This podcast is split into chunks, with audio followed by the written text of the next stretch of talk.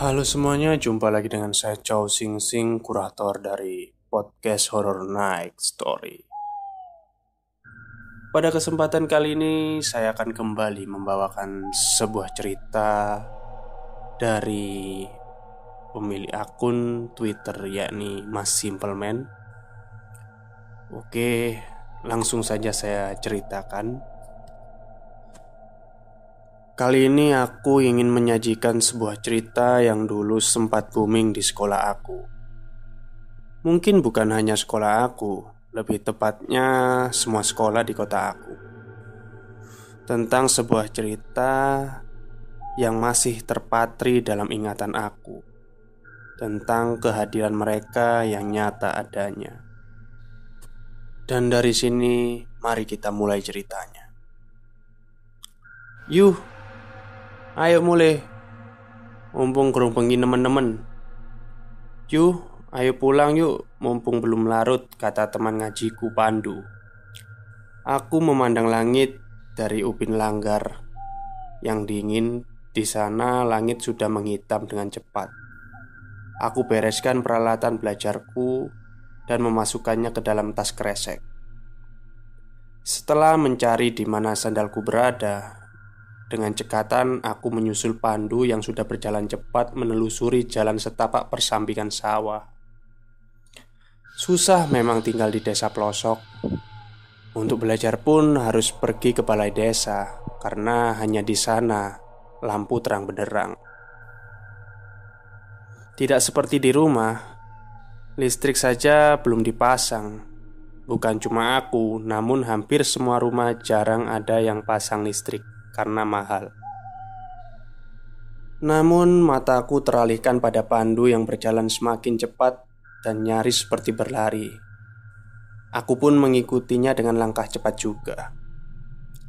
Jangan cepat-cepat tak kalau jalan, kataku setengah berteriak. Pandu masih berjalan cepat, seakan dikejar sesuatu.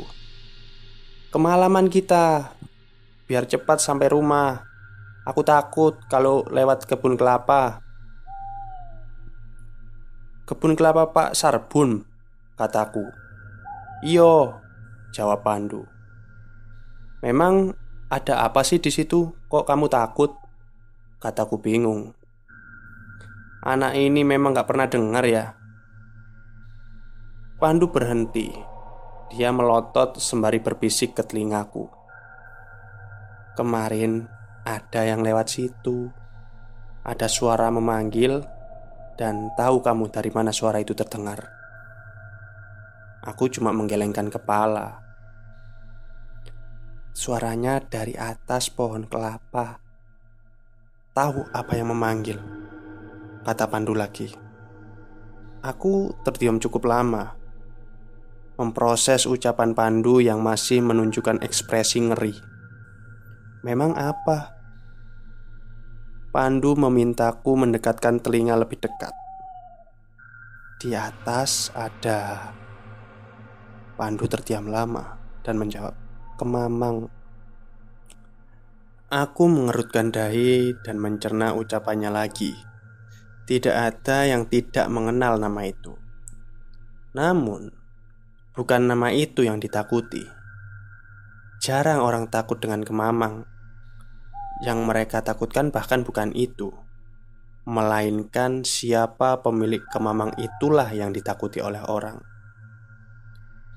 Ada jangkor hitam dong, kataku. Pandu mengangguk.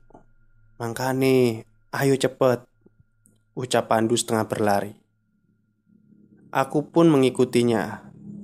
Hal seperti ini sebenarnya sudah sering terdengar di desa ini mulai dari kemamang kemamang itu binatang berwujud api ya. Bukan Pokemon ya kayak kayak apa ya bola api gitu. Terus janggor hitam. Janggor hitam itu menyerupai manusia tapi kulitnya itu hitam gosong. Sampai-sampai juga kadang ada kuntilanak dan pocong di dekat pohon kelapa itu namun aku tidak percaya akan hal itu Bahkan sampai saat ini Aku pikir semua itu hanya mitos belaka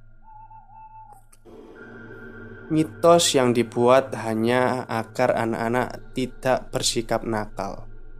Mitos untuk membuat orang kemudian percaya dan menjadi takut. Mitos yang hanya dibuat sebagai penghantar pesan dengan tujuan yang tidak diketahui. Namun, semua berubah ketika aku meninggalkan desa ini. Aku masih ingat bagaimana Pandu mengantar aku sampai stasiun Bagaimana aku mengucapkan salam perpisahan dan kami tidak pernah bertemu kembali. Aku pindah ke kota. Bapak yang seorang PNS mendapatkan rumah dinas baru. Semua itu merubah ekonomi keluargaku sejak bapak naik pangkat. Aku tentu harus siap dengan gaya hidup yang baru, punya sekolah baru, punya teman baru, bahkan pada hari itu seolah menjadi titik dari semua hal yang baru aku miliki, di mana ibu melahirkan seorang anak perempuan, adikku bernama Hanif. Di hari pertama sekolah, aku banyak mendapatkan teman baru. Namun, yang paling dekat dengan aku hanya Tio dan Hendra. Dua anak ini yang kelak akan menjungkir balikan duniaku, sampai Aku nggak tahu lagi bagaimana biar aku tetap sadar dengan dunia ini. Siang itu, Theo dan Hendra banyak membahas tentang cerita-cerita hantu. Mulai dari penanggalan Jawa, Primbon, sampai ke cerita kuntilanak di jalan. Jujur, aku nggak peduli dengan itu. Semakin lama cerita itu terus-menerus terdengar di telingaku. Sampai akhirnya aku muak dan mengatakan bahwa nggak ada yang namanya kuntilanak, pocong, dan hal-hal begituan. Apalagi percaya pada penanggalan Jawa, primbon, semua itu hanyalah mitos. Aku masih ingat Tio dan Hendra tidak terima. Jadi dia menantangku untuk membuktikan. Aku putar pertanyaannya. Bagaimana cara aku membuktikannya? Entah apa yang dipikirkannya waktu itu Setelah tiba-tiba Tio dan Hendra mengatakan Wani merjur nggak? Berani merjur nggak? Aku nggak paham apa itu merjur Sampai mereka mulai menceritakannya Dan aku cuma mengerutkan dahi mendengarnya Merjur adalah sebuah tindakan di mana kita memeras jeruk nipis di atas darah orang yang meninggal. Terdengar lucu, namun aku menerimanya. Toh, itu hanya mitos belaka. Aku kembali bertanya, di mana aku bisa mendapatkan darah orang yang sudah meninggal? Dan kebingungan nampak dari raut muka dua temanku itu. Karena waktu itu kami hanyalah anak SMP yang masih terbatas dalam segala hal. Gertakanku setidaknya cukup membuat dua orang temanku ini tidak melanjutkan cerita mereka. Tidak sampai saat itu. Sekolah SMP ku hanya berjarak beberapa meter dari pasar. Tidak jauh dari sana, lalu lalang kendaraan besar menjadi pemandangan yang biasa. Seusai bel pulang sekolah seperti biasa Satpam mengamankan jalan Dan tidak ada yang aneh dari semua itu Kemudian terdengar suara orang menjerit Ceritanya membuat seisi pasar heboh Dan kemudian tertuju kepada pemandangan yang ya cukup mengerikan waktu itu Seorang wanita terlindas truk tronton di mana badannya tergilas hingga kepala si wanita itu memutar mengikuti roda. Kejadian itu berlangsung sangat cepat. Namun sialnya aku melihat semuanya. Melihat bagaimana wajah wanita itu kepalanya tersangkut di sela antara roda kap dalam ban. Rambut panjangnya melilit di bagian bawah mobil dengan darah yang tercecer di sepanjang jalan. Aku hanya diam dan shock. Selang beberapa lama, insiden itu menimbulkan kehebohan yang tak terkendali. Semua anak SMP bahkan memenuhi jalan hanya untuk sekedar melihat pemandangan naas itu. Dan entah bagaimana, Tio dan Hendra menatap ke arahku. Sontak, aku tahu arti tatapan mereka. Aku masih ingat bagaimana aku berdebat bahwa memeras jeruk nipis di darah korban kecelakaan tadi sangat tidak pantas dilakukan. Namun Tio dan Hendra hanya mengatakan bahwa ucapanku nggak lebih dari ucapan seorang yang penakut Seorang pengecut yang tidak mau mengakui bahwa mereka itu ada Dengan wajah gemas, aku hanya menjawab Nanti malam habis maghrib saya tunggu kalian di sini. Tio dan Hendra tampak puas mendengar jawabanku. Seperti yang seharusnya, aku datang sesuai janji pertemuan. Di tanganku terdapat sekantung jeruk nipis yang aku ambil dari dapur. Tio dan Hendra rupanya sudah menunggu di sana. Seakan-akan pembuktian ini harus dilakukan malam ini. Berbekal senter kecil di jalanan yang lenggang itu, kami mulai mencari. Kami mulai mencari sisa-sisa darah korban. Jalanan pun tampaknya sudah bersih. Tidak ada bercak darah lagi di sini. Tidak sampai Tio menunjukkan sesuatu yang merah kehitaman. Tanda bahwa ada beberapa bagian jalan yang luput dari pembersihan. Dengan cepat mereka mulai mengiris jeruk itu dan memberikannya kepadaku. Aku tiba-tiba mulai ragu. Tatapan Tio dan Hendra adalah tatapan dari teman yang tidak akan pernah aku lupakan bahkan sampai sekarang.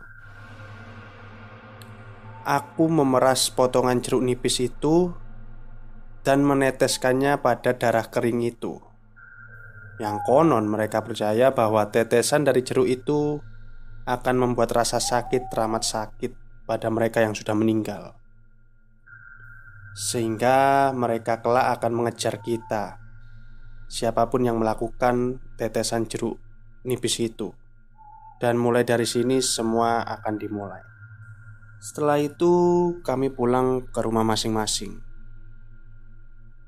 Saat tiba di rumah, aku mengetuk pintu dan berusaha memanggil ibuku yang ada di dalam.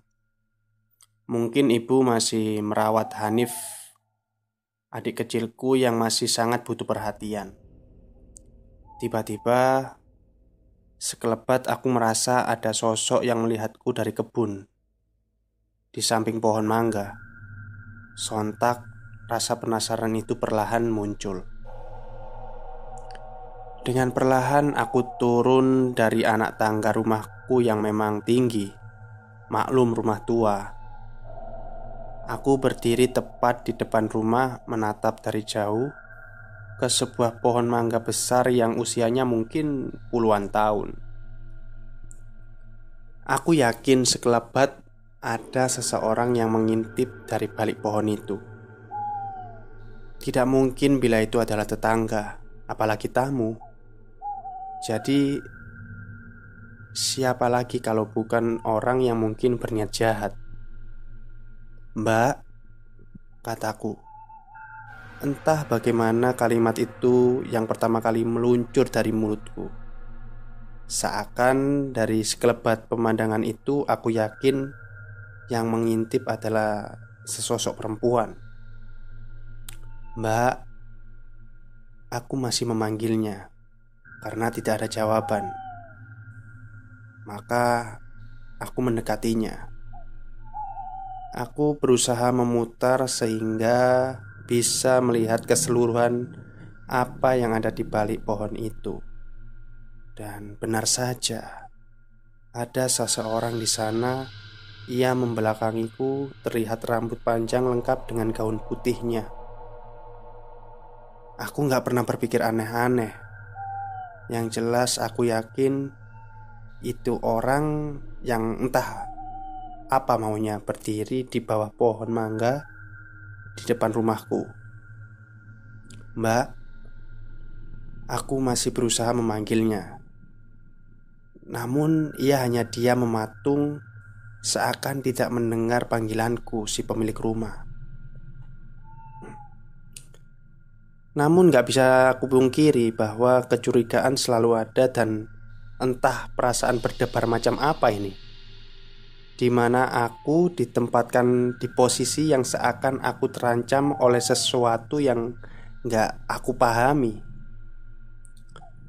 Namun situasi itu berlangsung sangat cepat Terutama saat aku terperanjat ketika seseorang mencengkram bahu dan memutarku untuk bisa melihat siapa yang melakukan itu.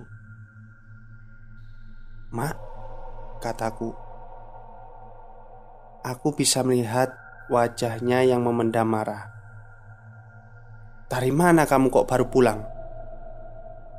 Makku menggendong Hanif yang entah bagaimana Iu, ia belum juga tidur padahal hari sudah selarut ini Belajar bu di rumahnya Hendra Meski ada tatapan kecurigaan di sana, namun akhirnya beliau percaya. Sejenak, makku menguapkan amarahnya, menyuruhku agar membasuh kaki sebelum tidur. Aku berbalik untuk melihat sosok asing itu, dan benar tidak ada siapa-siapa di sana. Satu yang gak akan aku lupakan adalah ucapan mak malam itu. Loh, Hanif anak emak kok gak nangis maneh Padahal mau nangis terus. Loh, anakku Hanif kok sudah gak menangis lagi? Padahal tadi nangis terus loh. Tatapan Hanif tertuju pada pohon mangga itu. Kemudian makku bertanya lagi Kamu sudah sholat isya belum? Kalau belum sholat dulu baru tidur Kata makku setelah dia menutup pintu rumah. Nggih, Mak. Meski malas, aku menuju kamar mandi, berwudu, kemudian masuk ke dalam kamar. Lampu sudah dimatikan. Aku mengembaskan sajadah dan bersiap menunaikan kewajiban aku. Sampai teritan almari selalu membuyarkan niat sholatku. Aku batalkan sholatku dan mengganjalnya dengan kursi namun, suara teritan itu terdengar lagi, lagi, dan lagi, membuatku merasa tidak sendiri. Suasana malam itu terasa asing bagiku. Namun, untuk kali ini, hal seperti itu terasa mengganggu sekali bagiku. Aku pastikan tidak ada apa pun. Aku menyalakan lampu dan melanjutkan sholatku yang terganggu. Namun baru mengucapkan basal, basmalah Lampuku tiba-tiba mati. Meski matinya lampu membuatku terkejut Namun aku memaksakan melanjutkan sholatku Dan terlihat Bayangan seseorang melewati jendela kamarku. Aku terhentak untuk sesaat Memejamkan mata dan tetap memanjatkan bacaan sholat. Apa yang aku lihat, apa yang aku rasakan hanyalah segelintir perasaan paranoid dari apa yang aku lakukan tadi. Jadi, aku menolak untuk percaya pada hal seperti itu. Maka aku memaksakan sholat. Tepat ketika aku bersujud, terasa ada sosok asing sedang asyik duduk di atas ranjang tidurku, tepat di samping aku sholat. Perasaan tidak enak itu terus berlangsung sampai akhirnya aku mengakhiri sholatku. Tidak ada siapa pun di sana, hanya aku sendiri yang masih tidak habis pikir. Bagaimana bisa aku separanoid ini? Puncak kegelisahan ini adalah ketika terbangun dari tidur di mana hari masih sangat gelap. Karena haus, aku pergi ke dapur untuk sekedar menghilangkan dahagaku. Manakala aku melangkah keluar dari kamar, aku mendengar suara Hanif yang tengah tertawa. Kenapa dia belum tidur? Pikirku. Suaranya terdengar dari ruang tengah. Kamar mak dan bapak tepat di samping ruang tengah. Aku mencoba meyakinkan bahwa mak dan Hanif masih sama-sama terjaga. Mungkin inilah susahnya merawat bayi mungil yang masih membutuhkan perhatian lebih.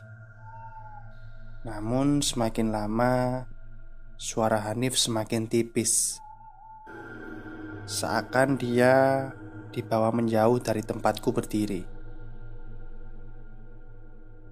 Aku pun pergi untuk mengecek apa yang terjadi. Baru beberapa langkah Aku terhenti saat melihat Hanif terduduk tepat di antara ruang tengah dan ruangan bagian dalam.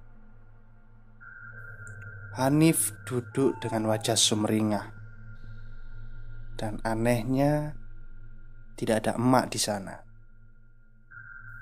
Bagaimana mungkin bayi kecil ini bisa sampai ke sini?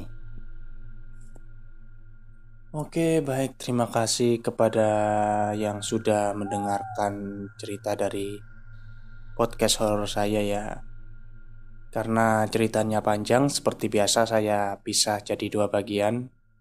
Ini part satunya dan part duanya akan di-upload besok. Terima kasih kepada yang sudah mendengarkan podcast horror next story malam ini. Selamat malam dan selamat beristirahat.